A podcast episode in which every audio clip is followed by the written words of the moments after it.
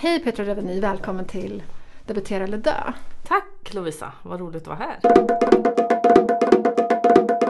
Hallå, Lovisa här. Det här är alltså min gamla manusfröken på Alma Lövs manusutbildning som ni hör. Petra Reveny. Eh, och jag mejlade henne för att få hjälp och tips och tröst nu när jag försöker skriva slutet på min roman. För det är verkligen skitsvårt. Och trevlig som hon är så svarade hon att eh, jag skulle skicka min synopsis till henne. Eh, och sen utifrån min specifika berättelse så blir det här ett avsnitt där vi pratar om att skriva slut i allmänhet. Eh, så varsågoda, här kommer P... Ja, just det. Jag säger i podden att jag är sverigedemokrat och jag vill bara förtydliga att ehm, det var alltså ett skämt. Ehm, så att ni vet. Men i alla fall, eh, så varsågoda att lyssna till min eh, supergrymma manusfröken Petra Reveny. I Debutera eller dö ältar vi romanskrivandets vedermödor Vi rullar oss i skimrande och skadeskjutna skrivdrömmar. och samtalar med livsuppehållande gäster. Det är jag som är Lovisa Svensdotter. Och det är jag som är Nina De Geer. Välkomna till Debutera. Eller dö.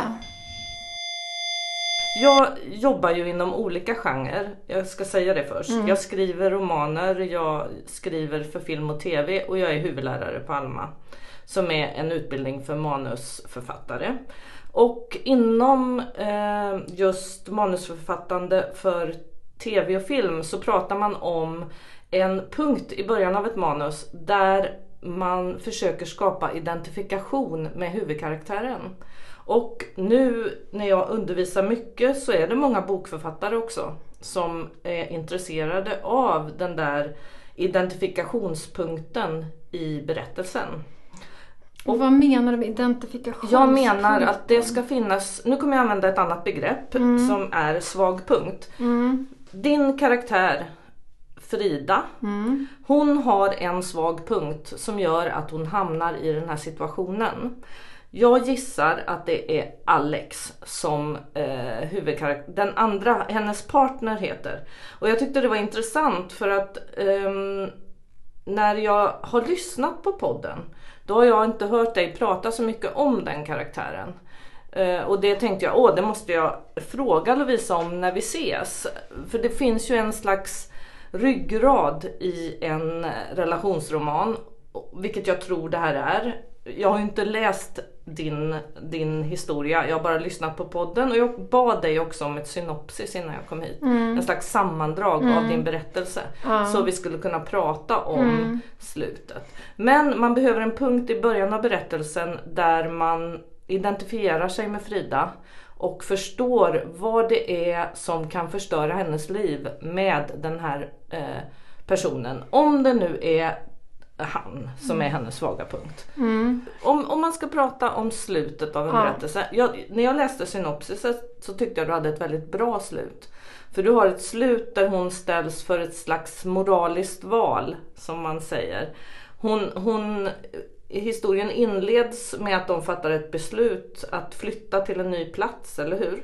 Är det fortfarande så eller skriver du om? Um, alltså i början flyttar de till en ny plats och sen i slutet så vill Alex att de ska flytta till ännu en ny plats. Precis. Ja. Men vid första valet, första gången de pratar om det här, då säger hon ju ja. Och andra gången, men det kanske vi inte vet än, men, men det verkar, hon funderar på att säga nej, säger vi. Eh, och ehm, det tycker jag är ett väldigt, väldigt bra slut. Frågan är, vad är det som gör att hon säger nej den här gången?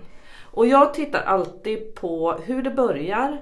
Vad är setupen emotionellt för huvudkaraktären? Var är Frida i den situationen att hon behöver säga ja i början, säger vi. Och då gäller det, för det tycker jag många slarvar med när jag jobbar som dramaturg i, i film och tv-projekt, att man liksom hoppar över den emotionella krispunkten. Man laddar inte den tillräckligt. Man bara tänker, ja men nu flyttar de dit, det var väl kul. Och sen när man kommer till slutet, då har man ett jättestort problem. För då betyder inte slutet någonting när hon ställs för en liknande situation. Alltså nu använder jag ditt synopsis som en, som Ja, en det... eh, eh, modell. Mm. Men för, för ett, ett problem som jag har haft under skrivandets gång är att folk inte riktigt har förstått, i alla fall de första typ Mm. två åren, att så här, varför väljer hon det här, varför väljer han det här, varför gör de så här? Mm. Och en annan grej som jag har haft problem med är att de överhuvudtaget är tillsammans. Mm. Att folk inte förstår varför Frida vill vara ihop med den här killen. Mm. Ehm, och jag har ju hela tiden fattat typ varför men, men Var- det är varför? jättesvårt att förklara. Eh, nej men alltså så här, han är en karikatyr på typ alla 80-talistkillar jag själv har varit ihop med. Mm. Och jag vet ju inte varför, så här, varför var jag ihop med dem? Ja, de var väl snygga eller något. Alltså, så det behöver inte vara så jävla mycket mer som gör att man blir ihop med någon. Men nu, du får inte slarva över sådana grejer. Det är jätteintressant med en karaktär som är väldigt svag för skönhet.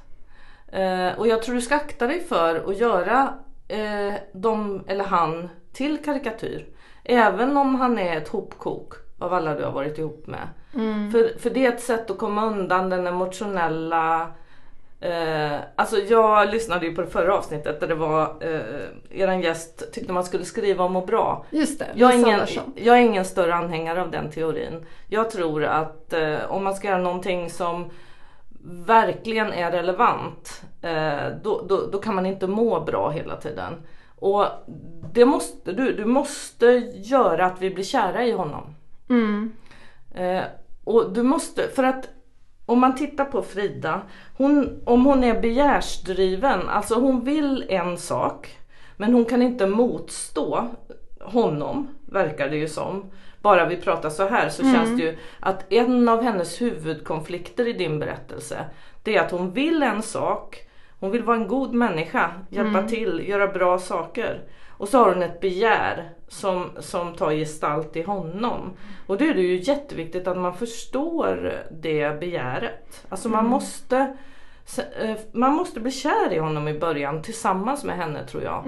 Och vilja planera den här flytten tillsammans med honom. Mm. Så du, du måste gräva ner dig i vad, du måste skapa en person som du själv kan falla för.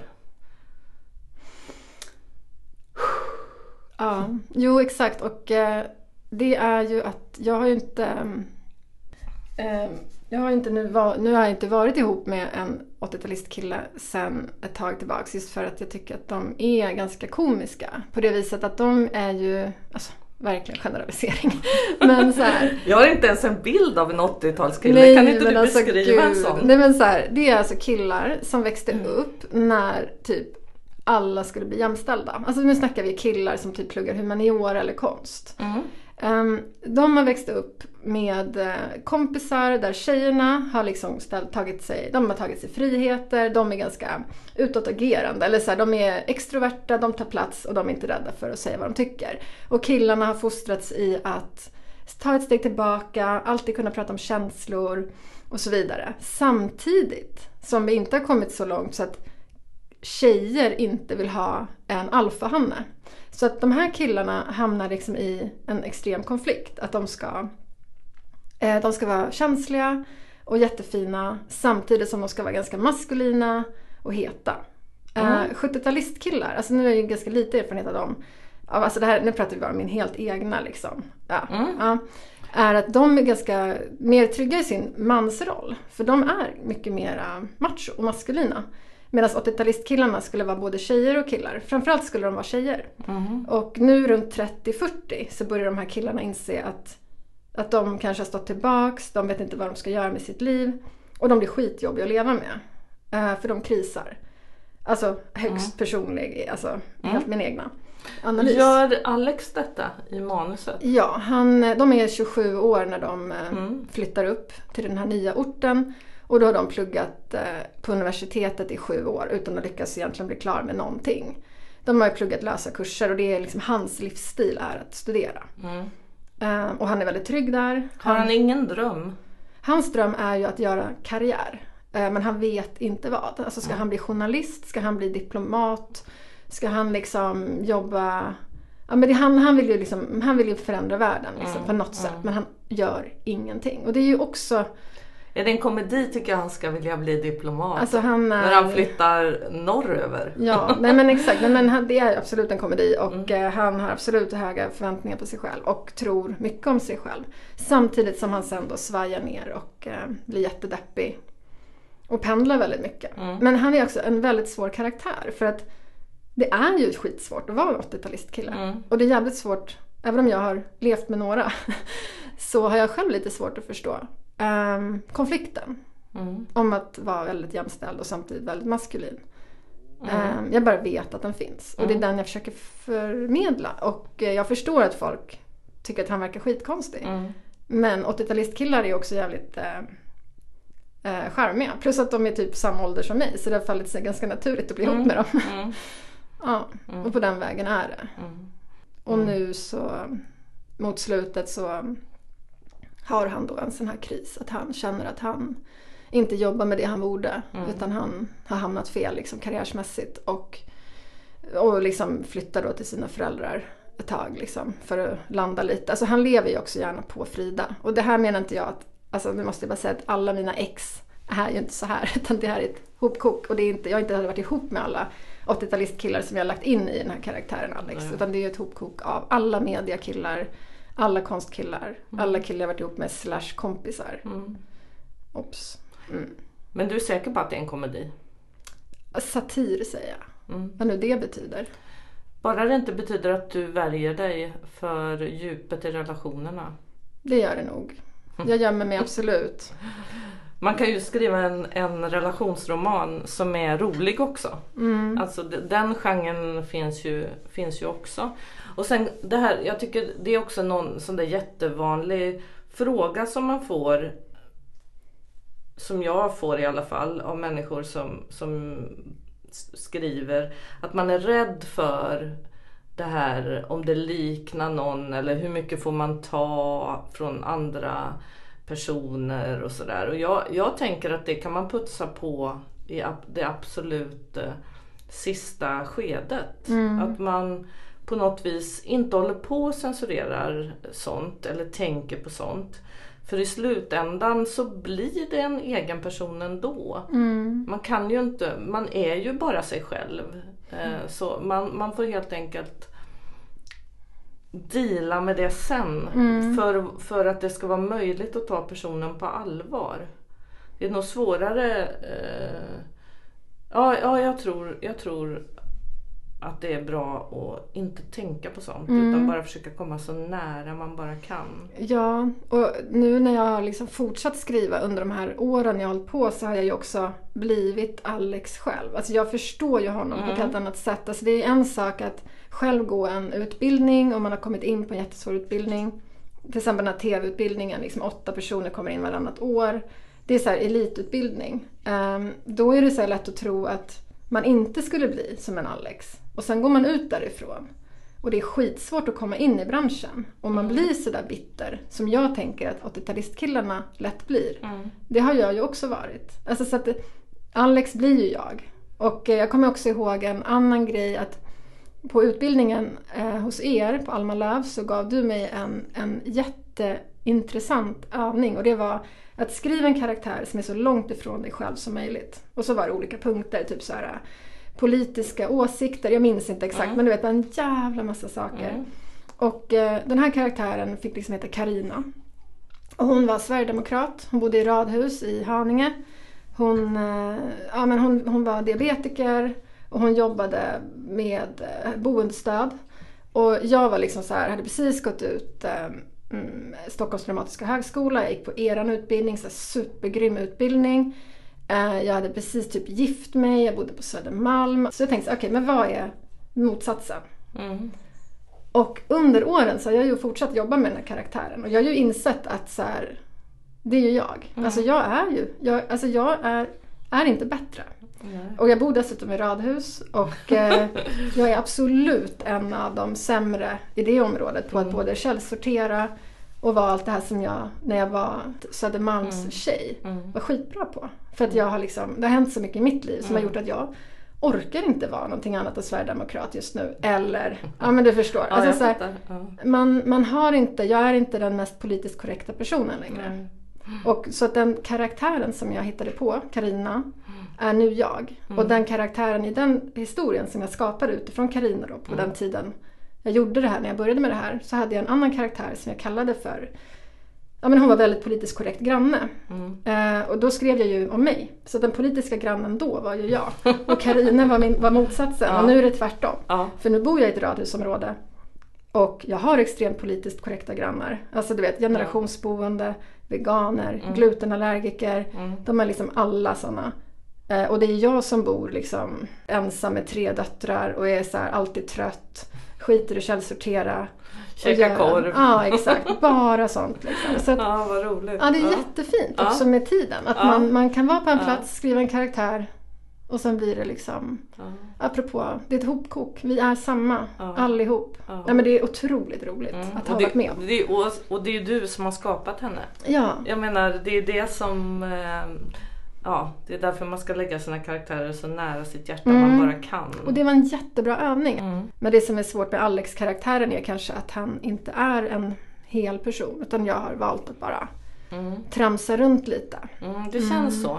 Det känns, eh, jag tänkte på det när jag läste ditt synopsis och eh, det är väldigt avslöjande att lyssna på den här podden när du pratar om, om din historia.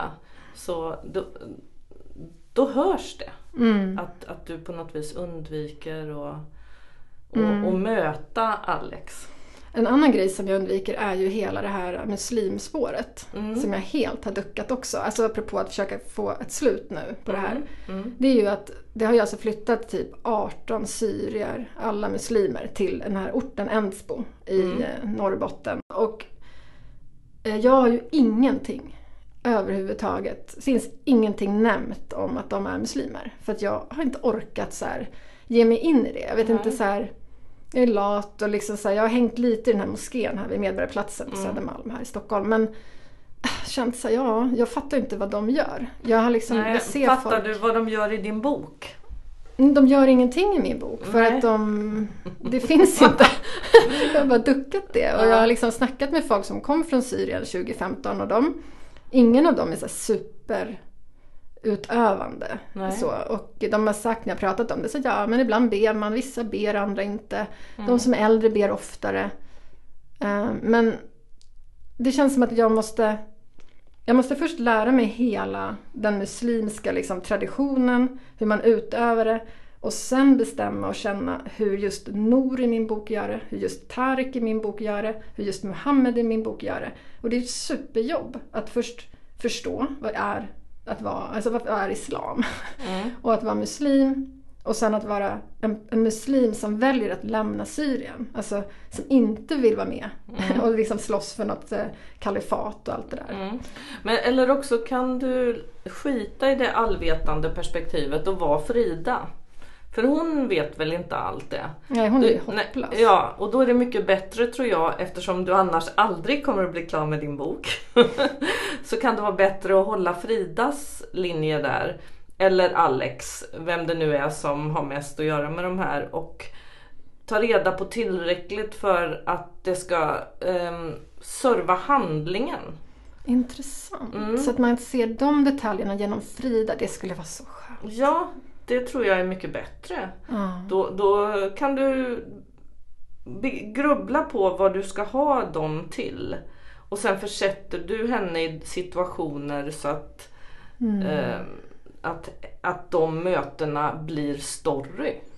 Precis, för då blir det ju ganska mycket bara rakt av mina intervjuer med de här personerna. För då är det ju så här, aha, varför då? Varför gör man så? Mm. Varför är det så? Alltså väldigt så här, ett barn frågar en vuxen. Ja. Ja, för då får man ju, berikar man ju liksom med detaljer kring just den Precis. biten. Det har du rätt i. Men gud vad skönt, då slipper man... Precis, för jag vill ju bara bli klar. Mm. Och det är ju ett annat problem med boken. Det är ju att man också följer eh, Nor som flyr från Syrien. Mm. Och tidigare hade jag med hela hennes flykt. Alltså i gummibåt, i Italien, i hamnen. Nu är det pop igen. Ehm, alltid med. Eh, nej men ehm, att, att den, den, den historien blev ju otroligt mörk. Ehm, så att nu har jag fått stryka den lite, den i återblickar. Men, för det, är ju, det blir ju verkligen två helt olika toner då. Mm. För henne möter de antar jag när de Ja. kommer till den här platsen. Den här orten uppe i Norrland. Mm. ehm, så möts de.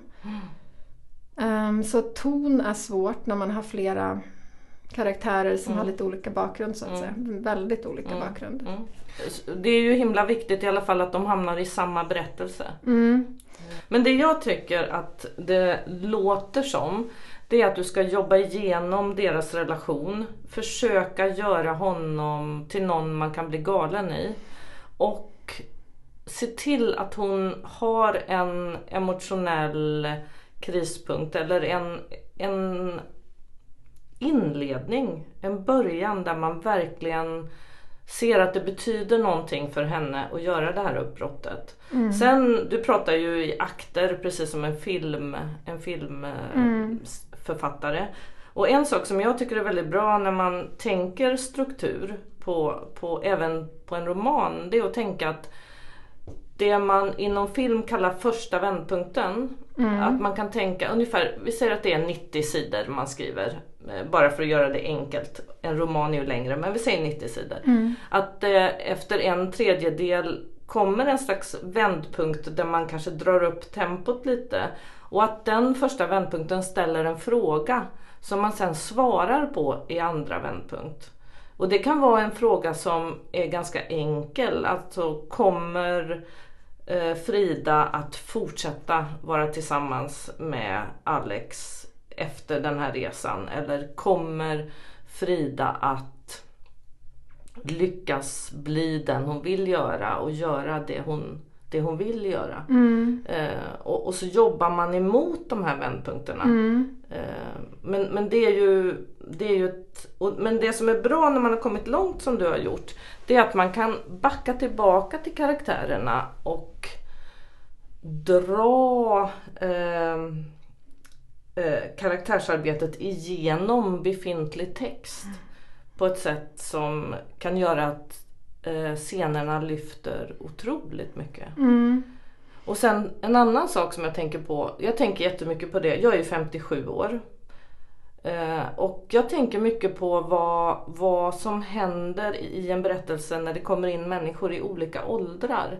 Vet inte om du har jobbat med det. Men, men det är någonting med olika åldrars erfarenhet i en berättelse som kan belysa en tem- tematik jättemycket. Mm. Eh, Det är klart, även att komma från andra platser, men det är någonting med ålder Mm. som jag tänker på när jag läser. För jag, jag läser ganska mycket litteratur också. Att ibland kan jag sakna det där. Mm. Ja, men det förstår jag. Mm. Det är jätteviktigt. Mm. Det är ju ett jättebra sätt att gestalta en person också. Hur den ser på saker och hur den refererar och hur den liksom mm, tolkar. Alltså herregud, jag är 39 och jag menar, jag tänker så här på allting som mina barn inte ens vet har funnits. Kassettband. Mm. Alltså så här, em, som nu är historia liksom. Eller som när jag var hos min pappa och skulle skriva en helg. mm, Och eh, han jobbar då på så här, vad heter det, hembygdsföreningen i Håbo Mm. kommun. Och sen så var jag där och tittade, jag satt där och skrev och så såg jag så på väggen så var det så en bild på stationshuset i Bålsta mm, centrum då som är Håbos liksom busshållplats eller centrum, tågstation. Och då har de liksom rivit den tågstationen så nu har de en bild på den i då hembygdsföreningens vägg. Och det var liksom där jag höll på att busröka när jag var tonåring och då kände jag så här har den platsen nu blivit historia? Mm. Det har den ju. mm, Ehm, så absolut, ålder är ju... Jag menar bara, de här, på den här lilla orten så har ju... Den här orten har ju blomstrat. Den orten i din som, ja, som bok. jag skriver om. Mm. Den har ju blomstrat och nu är den död. Mm. Och det finns ju människor som minns en annan tid, Mm. verkligen, i den här boken. Mm, vad bra. Så, Därför att du pratar mycket om generation. Han är en sån, alltså vi är i den åldern, han är en sån eh, från den generationen. Och jag tror att det är jätteviktigt för att boken ska bli allmängiltig. Att du får med det som är typiskt. mm, Eh, även detaljer Mm. eh, kring, kring att vara i den generationen. mm. Ja, det, och det är så intressant Mm. med just de detaljerna. Mm. Det är det som liksom skiljer oss och också som berikar, som du Mm. säger. Det berikar. Men vi måste ju Jag sitter här med två jättefina böcker som jag till exempel har fått av dig nu. Mm. Eh, Modersgölen. Modersgölen är min sista bok. Ja, den kommer jag ihåg att du skrev Ja, när, visst. vi, jag pluggade hos dig. Mm. Den tog sex år. Ah, Och den handlar jättemycket om min världsbild som är eh, man kan säga en mystikers världsbild till viss del. Mm. Och den andra boken tog jag med för det är min debutbok. mm. Ehm, Äkta fransk precis. drivmetall. Det är väldigt roligt. Den kom ut 97 tror jag. Mhm. Och då var jag ungefär där du är i livet nu med barn och sådär. Jag hade små barn och använde mycket av mitt eget liv. och Gud vad intressant. Mm. Mm. Den har kommit ut på nytt nu, båda. Är de inlästa också? De finns på Storytel. Gud vad bra. Saga Egmont heter de va? De har gett ut dem på nytt. Mm. Okej, ja men vad roligt. Mm. Nej men precis, för jag pluggade ju på Alma Lööfs manusutbildning. Mm, och då var ju du huvudlärare där, eller du är huvudlärare där. Mm. Eh, ska du berätta lite om den utbildningen bara? Det kan jag göra. Det är en utbildning som eh, riktar sig till professionella manusförfattare. Eh, en vidareutbildning för film och TV. Mm. Vi har också ja, ett samarbete nu med Netflix som heter Alma Netflix Writing Academy. Fan vad kul. Mm. Det är ju fantastiskt. Mm. Wow. Och, eh, ja, jag, gör, jag har delat upp mitt liv så att jag jobbar halva tiden med undervisning och handledning och andra halvan med eget skrivande. Och då har jag upptäckt att det befruktar varandra jättemycket. Mm. För jag är intresserad av hur man, alltså hur, hur, ett, hur en kultur gör story och konst av erfarenhet. Alltså hur eh, kan vi skapa en kollektiv eh, berättelse? Mm. Jag pluggar socialantropologi från början så jag tror att mitt intresse för vad en story är kommer därifrån. Jag tror Mm. det är enda sättet att förändra världen också. Att skapa en kollektiv historia som människor kan känna sig delaktiga i. Berättelser är våran gemensamma erfarenhet Mm. som vi formulerar så att vi kan ta del av det och spegla oss i varandra och också spegla oss i andra generationer. Och, men just det där med annan erfarenhet är liksom den stora grejen tycker jag. Mm. Hur ska vi annars ens kunna förstå varandra? Mm. Ja, det är otroligt fascinerande. När man tänker på det så är det helt mindblowing. Mm. Det är ju liksom broar emellan oss, eller bryggor. Alltså så, som, det är ju kommunikation Precis. till 100 procent. Att få en berättelse till sig som man inte kan, eller har själv levt, utan man får den. Precis. Det är otroligt. Jag bläddrade, jag var i en bokhandel häromdagen och bläddrade i en apotekares dagbok från 1400-talet. Jag hade läst om den boken innan så det var därför jag, jag la märke till den. Men jag tänkte herregud, här är en människa som levde på 1400-talet och som har skrivit en dagbok och den kan jag läsa idag. Mm. Ja, det är helt otroligt. Jag har en eh, vän eh, som jag tror också har pluggat, jo men vi, han pluggade också på Alma Löv, Karl Fredrik. Mm. Ja, Mm. Han la ut på Instagram idag att hans eh, lilla bebis som är typ så ett år satt och bläddrade i någon sån här redskap på 1700-talet, Mm. en bilderbok. Alltså inte alltså för vuxna då, men Ja. det är så typiskt honom också. Men väldigt fint apropå att ja, en ettåring kan tack och lov ta vara på Mm. det. Alltså det är så jäkla fint att se bara en sån bild. För Mm. att tack vare text och ord Mm. och möjligheten att bevara de här Mm. så kan vi också förstå. Och också inte bara te- text utan även eh, annan konst. Mm. Så är det ju, alltså man får eh, ta del av en helt annan tidsperspektiv. Det är Mm. oerhört maxat om man tänker på det. Ja men gud ja. Och att det Mm. precis att det kan vara både alltså såklart tid, att det är från olika Mm. tider men Mm. också det kan vara liksom bara en berättelse från hur personen i lägenheten bredvid har det. Kan skilja så mycket från en själv Mm. fast man lever i exakt samma tid. Alltså det är så otroligt. Mm. Eh, Samtida konst och historiska saker. Allting är lika intressant. Mm. För det speglar, alltså Mm. det är mindblowing spännande bara. Ja, hur mycket det finns. Och det, är- det är ju liksom det som är det roliga tycker jag med att skriva är ju att fånga de där detaljerna som jag lever i. Mm. För jag tycker det är så kul att de händer. Precis. Och då vill man liksom förmedla dem och gestalta dem på något sätt. Och så här, det här är min världsbild. Mm, mm. Och ju mer specifikt det blir Mm. desto starkare relevans får det ju även om man inte har exakt samma detalj hemma. Mm. Eh, Det är ju det som är det märkliga att ju mer specifik du är ju större emotionell respons får du ju. Mm. Och så är det ju även när man beskriver relationer. Mm. I, i... Och vad är det för detaljer då du menar? Jag tycker att det kan vara eh, precis vad som helst. Men om man, om man tänker på hur man ska bygga en spännande karaktär till exempel. Då finns det ju vissa tricks som vi jobbar med. Till exempel vad tycker din karaktär är vackert? Vad kan din karaktär inte förlåta? Ehm, det, det tycker jag är två sådana jättebra skrivarövningar om man vill utforska sin, sin karaktär. Och jag, ja, jag tycker det ska vara väldigt, väldigt specifikt. Alltså när, om man beskriver en person så behöver man inte ha med allt det sen i det färdiga verket. Men att man ägnar sig åt hur karaktärerna rör sig eller pratar eller ser ut. Det är det jag menar med när vi pratar om Alex. Att, att du inte ska förminska honom eh, utan istället leta reda på honom i dig. För även om det är en, du säger ja men han är ett hopkok av olika partners som du eventuellt har haft. Det är inte riktigt sant.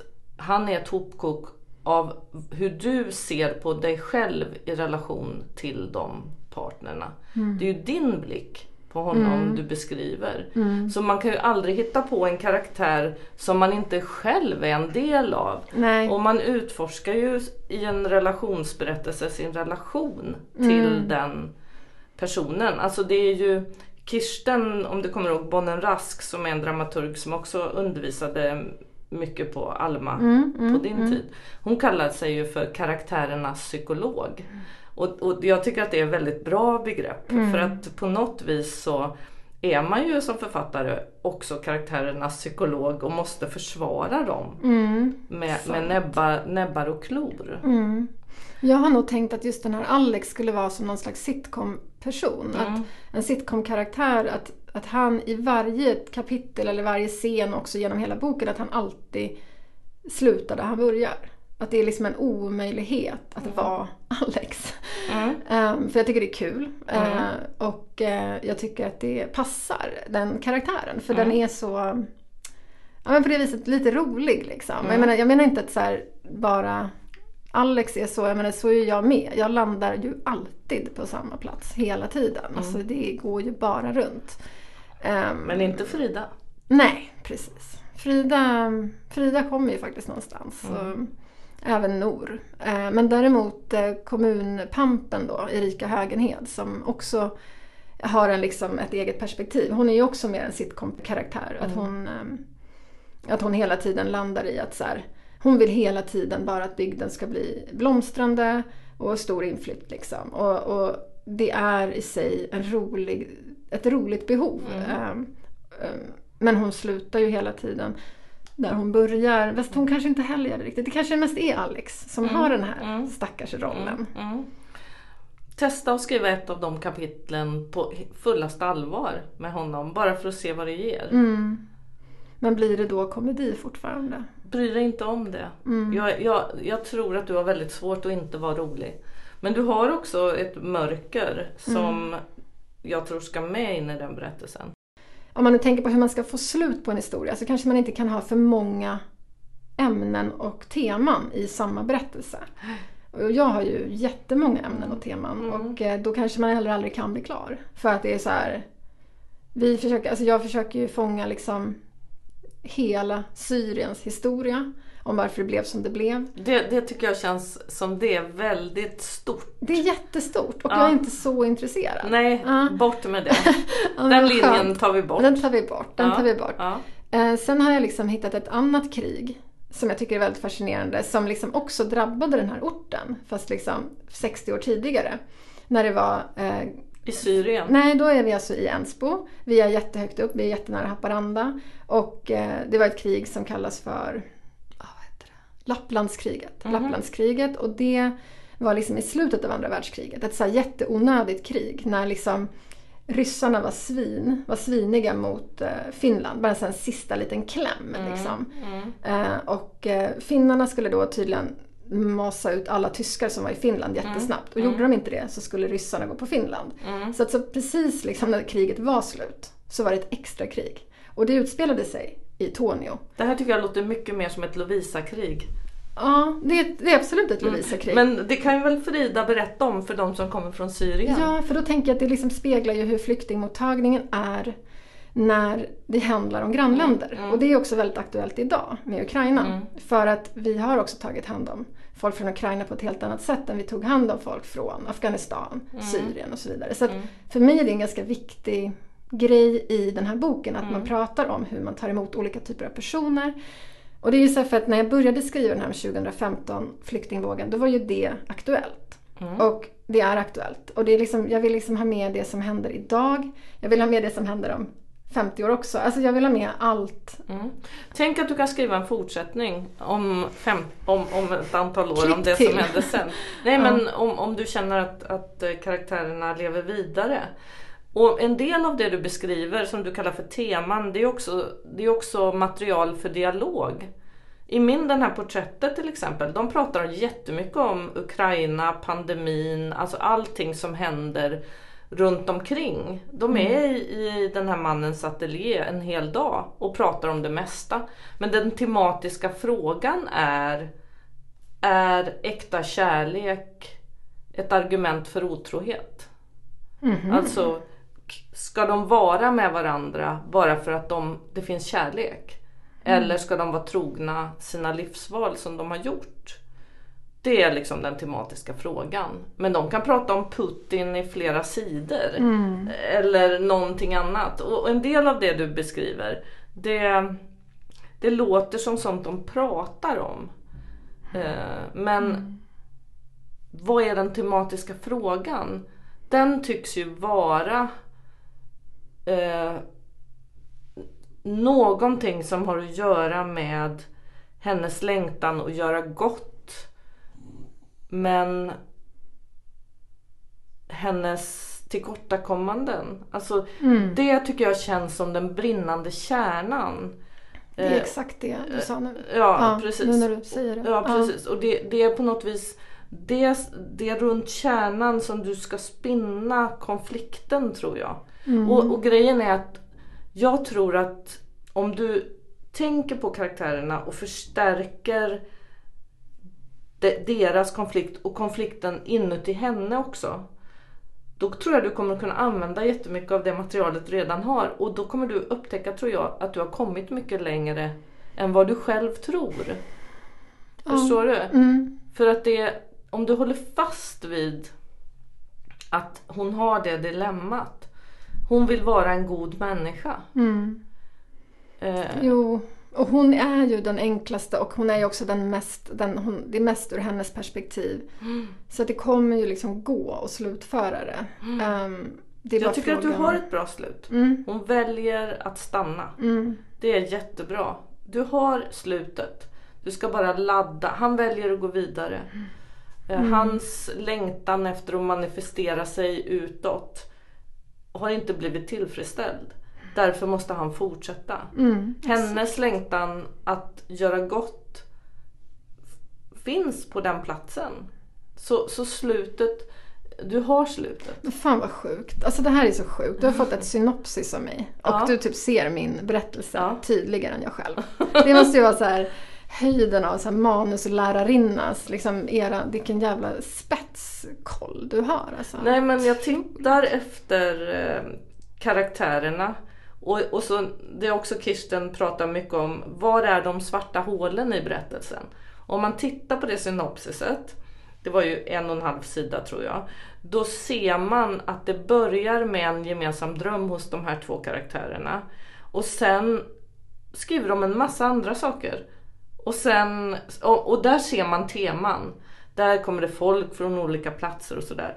Men, men det finns inte den där handlingen, det leder till det, det leder till det. Som jag vet att du kan skriva eftersom jag har läst andra synopsis. Och sen slutar det med ett väldigt tydligt moraliskt val. Och så säger du, åh jag vet inte hur det ska sluta. Jo, slutet är glasklart. Mm. Det som är otydligt i synopsiset det är det som händer däremellan.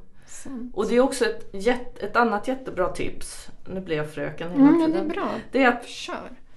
Det kan vara ett jättebra sätt att skriva en berättelse som ett synopsis, alltså historien på två sidor. Och sen klipper du in delar av synopsis i berättelsen som ett slags skelett.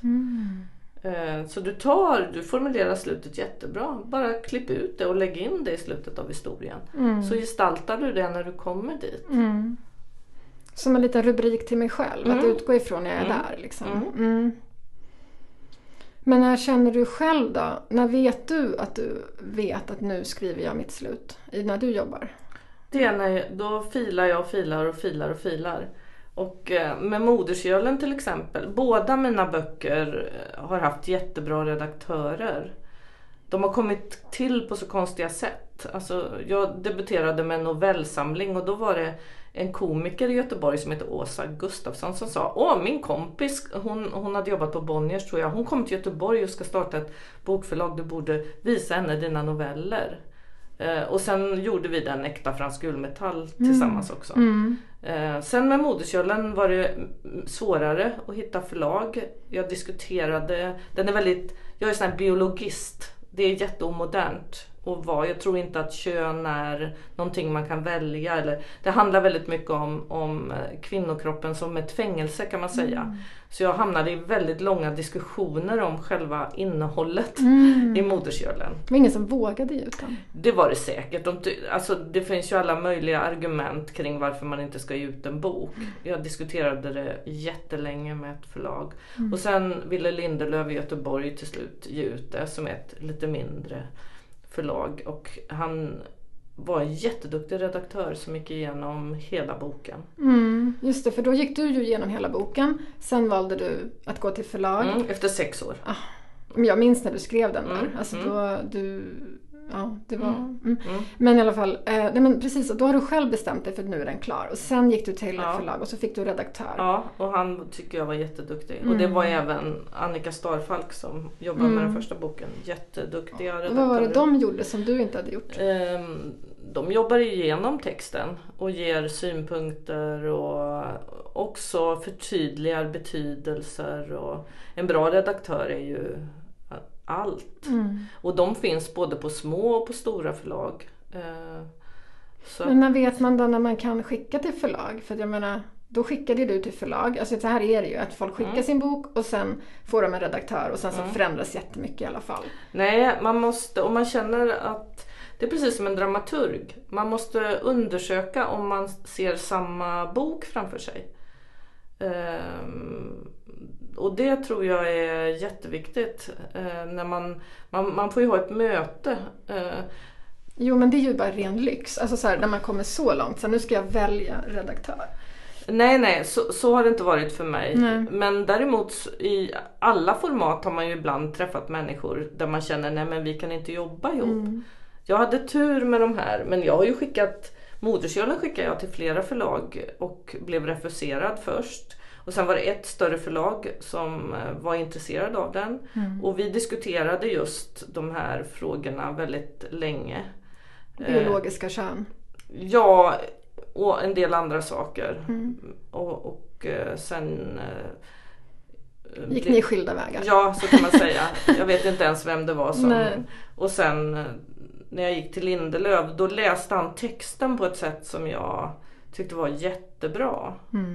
Ja, men det är ändå lite grattis och lyx på det tycker ja, jag. För att fast alltså, han blev ju, det förlaget Sen hörde ju de här Saga Egmont av sig och ville ge ut både Modersköl, ja först Moderskölen och sen även Äkta fransk gulmetall som det förlaget hade upphört och då blev det väldigt bråkigt kring det. Mhm. Så att det är någonting att tänka på det här med, jag vet inte om ni har pratat om det här med de här nya eh, tjänsterna och sådär. nej, jag vet ingenting. Nej. Jag vet ingenting Nej. alls. Men, Ehm, ja. det men det, man- det behöver vi inte prata Nej, mer om. nej, men för det jag undrar är så här, Mm. när ska man då skicka till förlag? För nu är det ju att du gjorde ju det och sen så fick du en redaktör och till slut så hittade du en redaktör och ett förlag där du kände men vi vill skriva samma bok. Men jag menar när, innan det så har ju du bestämt dig för att nu är min bok klar. Mm. Nu har jag kommit fram till Mm, det här. mm. Hur liksom kände du att nu är just eh, äkta fransk gudmetall och eh, modersgölen klar för dig? Slipa dem om och om igen. Precis med den här metoden. Först skriva massor. Sen gå igenom eh, 10 sidor genom hela Fan. boken. Sen 20 sidor hela boken. 30 sidor hela boken. Mm. Och sen ha några läsare innan. Och väldigt ofta så säger de precis det jag säger till dig. Eh, förstärk karaktärernas relationer. Mm. Bygg karaktärerna så att det finns en intressant konflikt i dem. Åh, jag får Och- sån panik. Ja, Ja, men det, behöver, det behöver du inte få eh, eftersom du har kommit mycket längre än vad du tror. Lita på mig när jag säger att du har kommit längre än vad du tror. Mm. Eh, och undersök relationen mellan huvudkaraktärerna. Sen kommer det till en, en punkt när du känner nu, nu kommer jag inte längre. Nu har jag slipat, jag har valt bort det som inte förstärker karaktärernas resa. Eh, Okej, två Mm. saker. Mm. Jag har varit med om det en gång. Att jag kände så när jag hade skrivit igenom råmanuset en gång. Att Mm. nu är jag igenom. Jag har kommit till slutet. Det kände jag en gång. Så jag Mm. upplevde det en gång. Var det då ni firade? När det var första Jag har akten? aldrig firat någonting. Nej, nej just det, nej, men ni pratade om att man borde Man göra borde det. firat. Ja. Den gången, det var förra julen och då skulle jag firat att jag hade skrivit igenom akt 1 en Ja. gång till. Och då kanske det var hundrade gången jag skrivit igenom akt 1. Ja. Så jag borde absolut ha firat. Men, nej, men när jag gjorde det första gången med råmanuset då förstod jag inte själv vad som hände. Det Nej. var som att så här, vad fan hände nu? Mm. Alltså det var helt sjukt. Att jag Mm. liksom, jag är klar. Så att jag förstår ju att det kan hända. Mm. Eh, men, men alla darlings då? ja, man får stryka en del. Och en del hör till historien fast på ett annat sätt än vad man tror, tror jag. Mm. Men då känner jag också så här, okej, så då ska man hålla på och flytta darlings eh, och man ska stryka darlings och man ska gå igenom akt 1, akt 2, akt 3 100 gånger och det är 10 sidor per dag och det är allt möjligt och så ska några läsa så håller man på och så håller man på och så håller man på och så håller man på och sen så blir det kanske en bok och så bara hamnar den i en sån här dollarstore eh, korg. Mm. Alltså jag bara känner så här, fan vad man sliter med sin bok. Mm. Och det är ändå som sagt en bra grej om den Mm. ens hamnar i en sån korg för då har den ändå blivit utgiven. Mm. Men jag menar det är så jävla tröstlöst liksom. Vad är det vi håller på med också? Det är också en, tror jag, en tanke som... Tänk att du har ett universum och den här boken, den är en del av det universet. Det är lätt att säga nu för mig eh, därför att jag var också väldigt resultatinriktad när jag började skriva. Ehm, nu tänker jag att allting kommer från samma plats. Alltså jag har inte, jag tänker inte längre att böckerna och filmerna eller vad man nu gör att det är knappt ens avskilda produkter eller vad man ska säga. Mm. Det är mitt inre universum. Mm. Eh, fantasi låter så knasigt. Men det blir lite ett annat sätt att förhålla sig för då blir det inte så jätte... Då, då, då kan du mer undersöka var du befinner dig i livet just nu och vad det är du vill undersöka. Det blir inte så pressat att man, åh jag måste bli klar.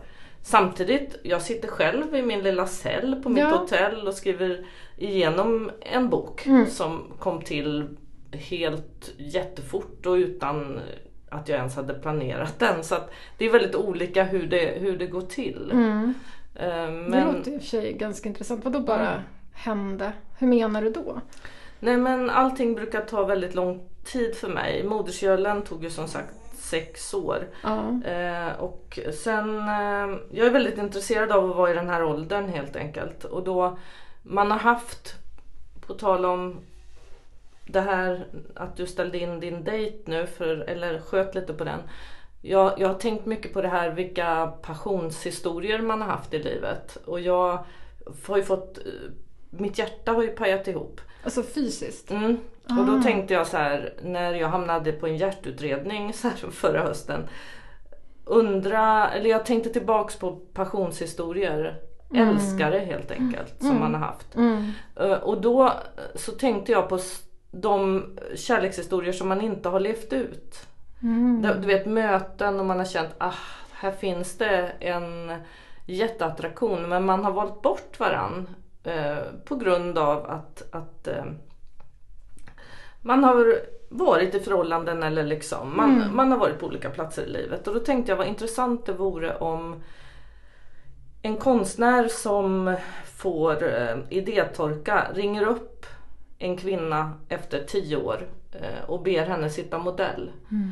För att de ska prata om dels attraktionen när de träffades men också om livet eh, och konsten och varför han inte kan skapa längre.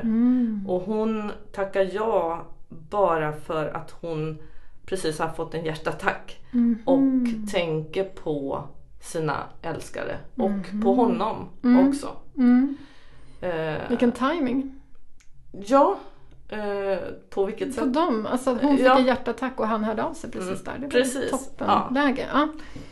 Och då tänkte jag, det är en emotionell krispunkt Lovisa. Jag tänkte Mm. att eh, jag ta- tajmar dem, för det är ju ett fiktivt möte. Det är ju inte Mm. ett möte som har hänt. Men precis som du så använder jag mig själv jättemycket till kvinnan. Mm. Och jag har inspirationer till den eh, mannen och till situationen. Men sen gör jag precis som du. Jag skapar av flera olika eh, älskare kan man Ja. säga. Eh, den här mannen. Mm.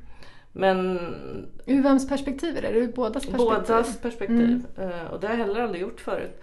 Men när jag började skriva den, jag skrev den först som ett filmmanus. I på- sjukhussängen? Nej, Nej? Jag skrev den först som ett eh, filmmanus och sen tänkte jag nej, jag måste fördjupa deras, för de hade så mycket dubbla känslor. Mm. Eh, så Det var jag, intressant. ja, men, men den går väldigt fort att skriva av Mm. något, det nästan som om den skriver sig själv på något sätt. Mm. Det är jätteintressant. Mm. Det är det verkligen. Mm. Ehm, jag tänker också då på vad är liksom den stora skillnaden. För du, först skrev du det som ett filmmanus och sen kände du att du behövde fördjupa det Ja. och då valde du skönlitteratur. Ja. Alltså så. Vad skulle du säga är skillnaderna eller hur jobbar du? Skillnaderna är att i filmmanuset som jag tror jag kommer att filma ändå som en indiefilm bara för att jag är intresserad av två karaktärer, en arena. Men eh, skillnaden är att de säger en sak och tänker en annan väldigt mycket. De tänker hela tiden, jag vill säga att jag älskar dig. Har du haft någon sån eh, kärleks, något sånt kärleksmöte? Som, som inte blev av? Ja, Ja, där, absolut. där du känner, där du kanske har haft kontakt och sen känner du liksom, oj jag älskar den här personen. Mm. Eh, den typen av liksom dignitet. Mm. eh, Och sen har det inte blivit någonting? Tänker du? Ja, precis. Mm. Ja, Mm. gud ja. Alltså verkligen. Men det är också lite fint att få ha en sån Mm. historia som, man, som är liksom parallell liksom med Mm. sitt vanliga liv. Alltså det är ju det som är så fint. Det är ju det. Och då är det också väldigt fint sen att få läsa din bok om hur det kan vara sen, kanske, inte vet jag, 30 år senare. Mm. När den ena Tio fått, år. 10 år senare. Ja. Den ena fått en hjärtattack och den andra fått en konstnärlig kris. Mm. Men vad kommer den här boken heta? Porträttet. Okej, när kommer den ut då? Det, ja, det, ja, du är den första som jag pratar med, om den med. Eh, Okej. den, eh, den är precis... Alltså jag har inte visat texten för någon. Mhm. Jag har läst filmmanuset med skådisar Mm. men sen, sen sa jag stopp. Mm. Eh, nu måste jag jobba mer och känna efter vad det här är för berättelse. Okej, och då har du hyrt in dig på en, ett hotellrum på Östgötagatan här på Södermalm. Mm, jag brukar göra det. Det har filat många böcker eh, där. Mm. Just där, på det hotellet. Mm. Vad är det för hotell då? Det är bara ett vanligt litet hotell. Aha. Men de har väldigt små rum. Och det, det är det jag menar när jag sa till dig att, för vi pratade ju om ifall vi skulle spela in där. Mm. Att det kan vara väldigt bra med ett amoraliskt rum. För att en sak som man gör när man skriver och särskilt kanske om man har en relation. Eh, nu är inte jag sån, men jag använder ändå den här metoden. Eh, det är att man utan att vara medveten om det tar hänsyn. Eh, att man tänker att jag har en relation, jag har barn, jag, liksom, jag vill inte sitta och gräva i det, mitt förb- min förbjudna skugga. Och då, då tycker jag det är jättebra att ta sig till ett väldigt neutralt, som jag kallar amoraliskt rum. Där det inte finns någon moral helt enkelt, som tillhör författaren. Utan man tar sig till en plats där man kan vara helt amoralisk. Gud vad intressant. Alltså det är ju så här, Det är ju briljant. Jag har ju alltid drömt lite så här, alltså Mm. drömt men liksom ändå om att hamna i fängelse och att få ha en sån liksom cell. Mm. Jag ville jag- gå i kloster. Ja, det är också lite liksom... samma fantasi. Ja.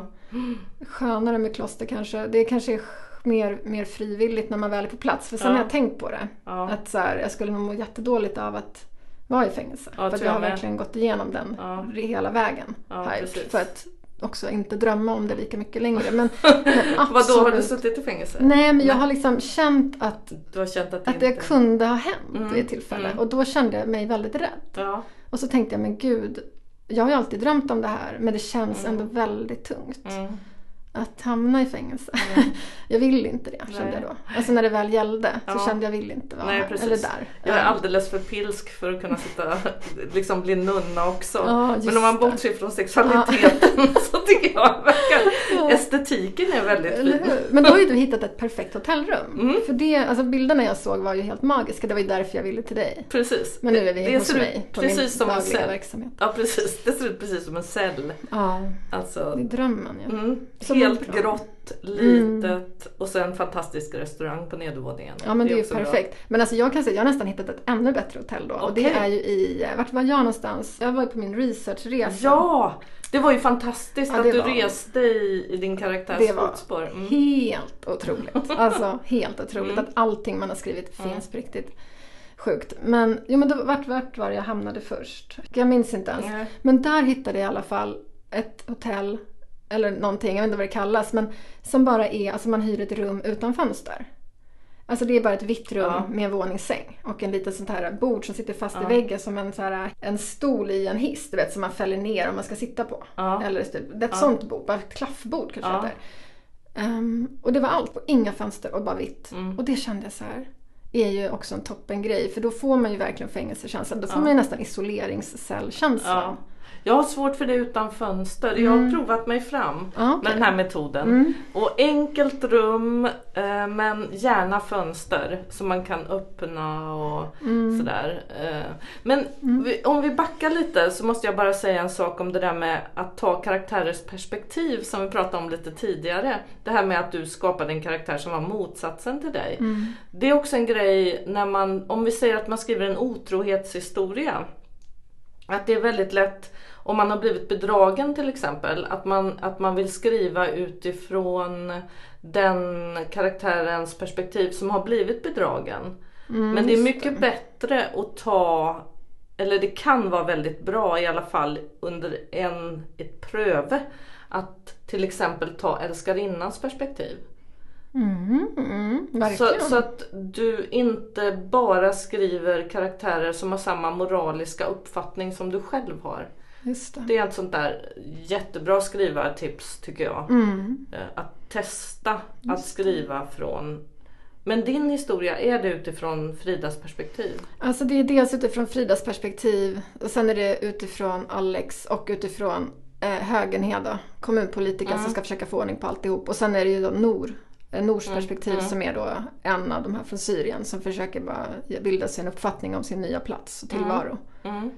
Så det är fyra perspektiv. Hoppar du mellan perspektiven i samma kapitel eller Ja. delar du upp? Nej du hoppar Ja, mellan alla det- fyra. Mm. Och det är ju också en grej från så här att ha bara skrivit för tv och film. Att Mm. jag är ju bara en kamera och jag liksom Ja. För mig känns det helt naturligt men jag har ju förstått att, alltså förut hoppade jag mellan, det kan vara fem rader utifrån Frida, fem rader utifrån någon annan. Och folk som läste blev ju jätteförvirrade Mm. medan jag nu då har fått skriva, ja men kanske åtminstone är så här 10-15 sidor per Mm. person. ja. Men eh, Hur jag, långa är kapitlen? Eh, det har jag ingen aning Nej. om. Jag vet att allting just nu är typ så här 350 sidor Mm. i mitt det här Word-dokumentet. Mm. Eller Page-dokumentet. Mm. Och det är väl ungefär det det kommer vara. Och det är ganska...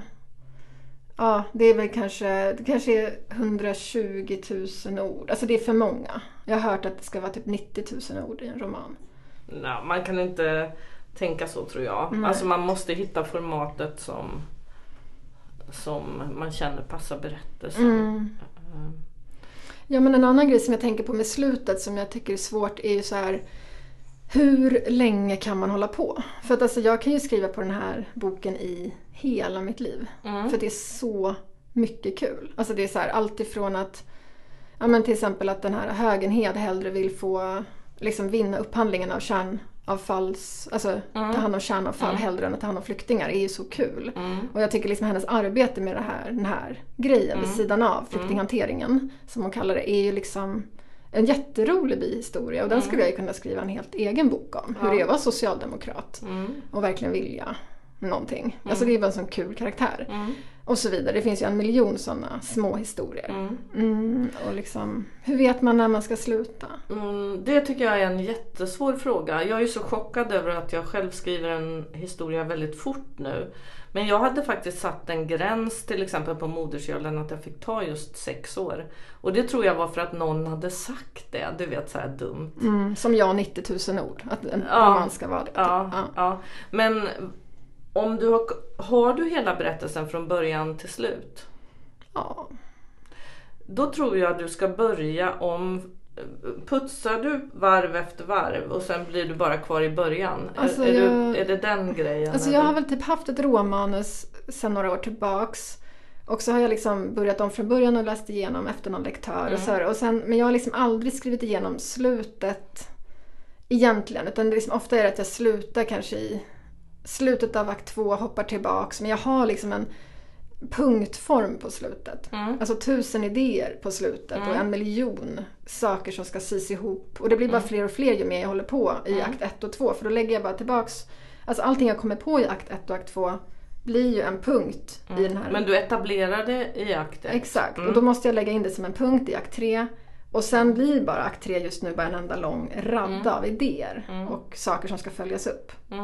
Mm. Så den blir bara längre och längre ju mer jag håller på att putsa på ettan och tvåan. Mm. Och du har en paus nu eller? Paus? Från skrivandet vilar du nu? Nej, Nej? absolut inte. Nej? okej. Alltså jag, är, jag vilar ju aldrig utan jag ska ju skriva klart den nu. Mm. Ehm, ja. och jag är jättestressad. Mm. Jag brukar göra så när, när jag känner okej nu har jag historien från början till slut. Mm. Även om det är ett filmmanus. Så börjar jag om från början och så bestämmer jag hur mycket jag ska ta mig igenom på en dag. Eh, och i början så är det 10 sidor. Så om du har 300 sidor nu. Mm, Då är det ju, om du gör 10 sidor om dagen. Då gör du det på 30 dagar. Mm, Tar du dig igenom. Mm. Sen börjar du, tar du några dagar ledigt. Sen går du igenom 20 sidor per dag. Mm. Jo men exakt så här har jag ju jobbat det här Mm. senaste kanske ett och ett halvt åren medan jag har jobbat på den här dagliga verksamheten. Att jag verkligen har haft så här, det här måste jag igenom varje dag eller det här ska jag skriva igenom. Men, men jag tycker att det har varit lite enklare med akt 1 och akt 2. Men nu när jag ska in i den här akt 3-jäveln Mm. där jag liksom egentligen aldrig har varit seriös utan mer bara haft som en sån här äh, soptipp av Mm. allting som jag liksom flyttat fram under akt 1 och akt 2 jobbet. Så sitter jag ju med så, ja, men säg 60 sidor av bara så här olika spår och linjer. Mm. Och sen typ tre andra dokument som är olika längd. Med så här, äh, det här skulle Högenhed kunna känna till exempel. Och Mm. så bara okej, 300 sidor. Alex skulle kunna känna 100 sidor. Frida skulle Mm. kunna känna egentligen 100 sidor. Och det bara ta sig igenom alla de idéerna man har haft en gång för kanske fyra år sedan. Mm. Det är ju så här, bara det är ju ett helvete. Liksom. Vad ska man göra med alla gamla tankar nu? Mm. De gamla tankarna. Ja, Göra... Ja. det är ett superjobb. Mm. Då snackar vi ju 200 sidor om dagen om man ska liksom hinna igenom Ja. inom en livstid. ja. Fast jag brukar ta fasta på karaktären på ett annat sätt. Alltså, eh, jag tänker att en del idéer väljer bort sig själva nästan. Mm. Så jag tror att du ska börja ändå med, med Frida och Alex relation. Och så dra den igenom hela berättelsen. Förstärka den. Gö, ge, göra dem så att för dem är den privata linjen som speglar allt det andra. Då kommer du kunna välja bort en del av speglingarna tror jag. Och också känna att annat behövs. Så att i varje situation så tittar du på dem. Hur kan jag förstärka deras relation? Hur kan jag ställa mer på spel? Hur kan jag öka konflikten emellan dem? Okej. För då förstärks handlingen och då tror jag en del saker väljs bort automatiskt. Nu har jag inte läst ditt Nej, manus. nej, men precis. Okej, så om vi ska försöka... Vad har vi Avsluta. kommit fram till liksom? Vi har kommit fram till att man ska skriva en emotionell krispunkt. Man ska presentera sin karaktär någonstans där karaktären har en weak point som vi säger inom filmen. Det här kan man testa om man tycker att det ger något. Man kan jobba på tusen olika sätt. Man vill ju inte låta som en besserwisser. Men det man kan ta med du är ändå sig... lärare, du får säga vad du ja, vill. Ja, Ja. då säger jag som Mm. lärare. Försök hitta den här emotionella krispunkten där du blottar vad som kan krossa din karaktär. Eh, och skapa en antagonist eller en antagonistisk kvalitet. Ett motstånd som kommer åt din huvudkaraktär precis där som det gör som ondast. Och tvinga din karaktär att ha någon typ av relation med den här antagonistiska kvaliteten. Som ofta är en person. Eh, och ställ en fråga kring detta. Och låt din huvudkaraktär i slutet ta, göra ett moraliskt val som har med den frågan att göra. Och det är slutet då. Det är slutet. Och däremellan ska det här hålla på och ältas och hanteras liksom. Mm. Okej. Mm. Om du har en svag punkt. Förut så jobbade jag mycket mer med vilja och hinder sådär klassiskt som man gör. Mm. Eh, det tycker inte jag gav något. Man konstruerade hinder och händelseförlopp och bara hitta på saker för att göra det jobbigt för karaktären. Mm. Men om, om det finns en svag punkt som smärtar då kan du vrida in den kniven liksom och, och ge den olika aspekter. Mm. Om man, om man pratar film så kan man titta på Selma och Louise filmen. Älskar. Mm. Den, eh, där är ju patriarkatet eh, antagonisten. Så varje man, det är ju två kvinnor som drar kan man säga. Mm. Varje man som dyker upp under den filmen är ju en aspekt av patriarkatet. Och slutet där, det är att alla de här aspekterna i olika bilar polisbil, stor sån här lång truck och alla möjliga. De jagar de här kvinnorna och de tar ett moraliskt beslut. Även om det är omoraliskt. Och kör vidare ut över stupet. Det är en väldigt tydlig eh, illustration av, av eh, hur man bygger en historia med de ingredienserna. Mm. Någonting händer som gör... Det finns ju många böcker som handlar om det här att, att bli med barn och så bli kvar fast man inte vill. Eh, Det, det är typiskt en sån emotionell krispunkt. Eh, Att, du blir, att någonting drabbar dig. Ja, du blir med barn. Du ger efter för ditt begär.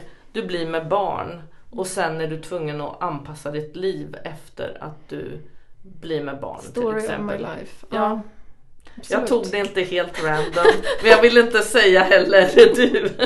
Nej exakt. Nej, Nej, exakt. nej men det kanske liksom, sånt kan ju hända. Sånt kan Mm. hända Frida också. Ja absolut. Nej men okej, okej. Ja, Du men förstår vad jag är ute efter. Jag är Mm. ute efter det som gör att hon blir begriplig.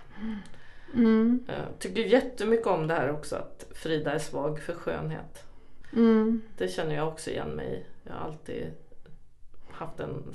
Det är lätt att falla för de vackra. Ja men precis, det tycker Mm. jag också. Ja nej det är svårt det där. Mm. Ja men okej, men känner vi nu, har du, alltså, alltså jag känner, har vi någonting mer nu vi måste säga? Eh, Behöver man ta hand om de andra än sin huvudkaraktär? brukar folk fråga mig. jätteviktigt. Och då brukar jag säga nej. Men behöver inte det? Nej. Det tycker jag Nähä. inte man behöver alltid. Det är klart om man har en jättebra poäng fast ibland kan det bli slut på slut på slut på Mm, slut. nu tänker du slutet. Okej, jag tänkte Ja. bikaraktärer genom boken. Okej, Ja, i slutet ja, kan man... ja, Ja, ja. okej. Jag tror att man kan släppa lite. I alla fall så sitter jag ofta med författare som gör ett slut för varje karaktär. Mm, Istället för att tänka vad är huvudlinjen och vad är slutet på den. Mm. Ja, det är också skönt. Alltså så här, allting egentligen som är jobbigt. Det enda som så här... Okej, man behöver inte skriva slutet på alla karaktärer. Jätteskönt. Då kan man bara stryka det. Mm. Eh, har man något så här, eh, detaljer och grejer som är svåra att få med, då kan man sätta det i en karaktär som inte fattar detaljerna Mm. och gestalta det genom den. Så behöver man inte ens lära sig. Alltså det är också skönt om man bara försöker sopa bort allt som är emot den nu. Mm. Eller emot Mm. mig nu. Mm. Ehm, och att det enda jag behöver göra är att eh, våga, eller liksom orka, ehm, låta även Alex bli en person. Mm. Sen tycker jag det låter som att du ska hålla dig till att Frida ligger närmast dig. Så du skapar Alex som en person som du skulle kunna bli kär i på riktigt. Så att han kan komma åt din svaga punkt. Det Nu kanske sa jag, är... nu sa jag din svaga punkt. Jo men det är ju inte långt ifrån. Alltså, Nej. Frida är ju Mm.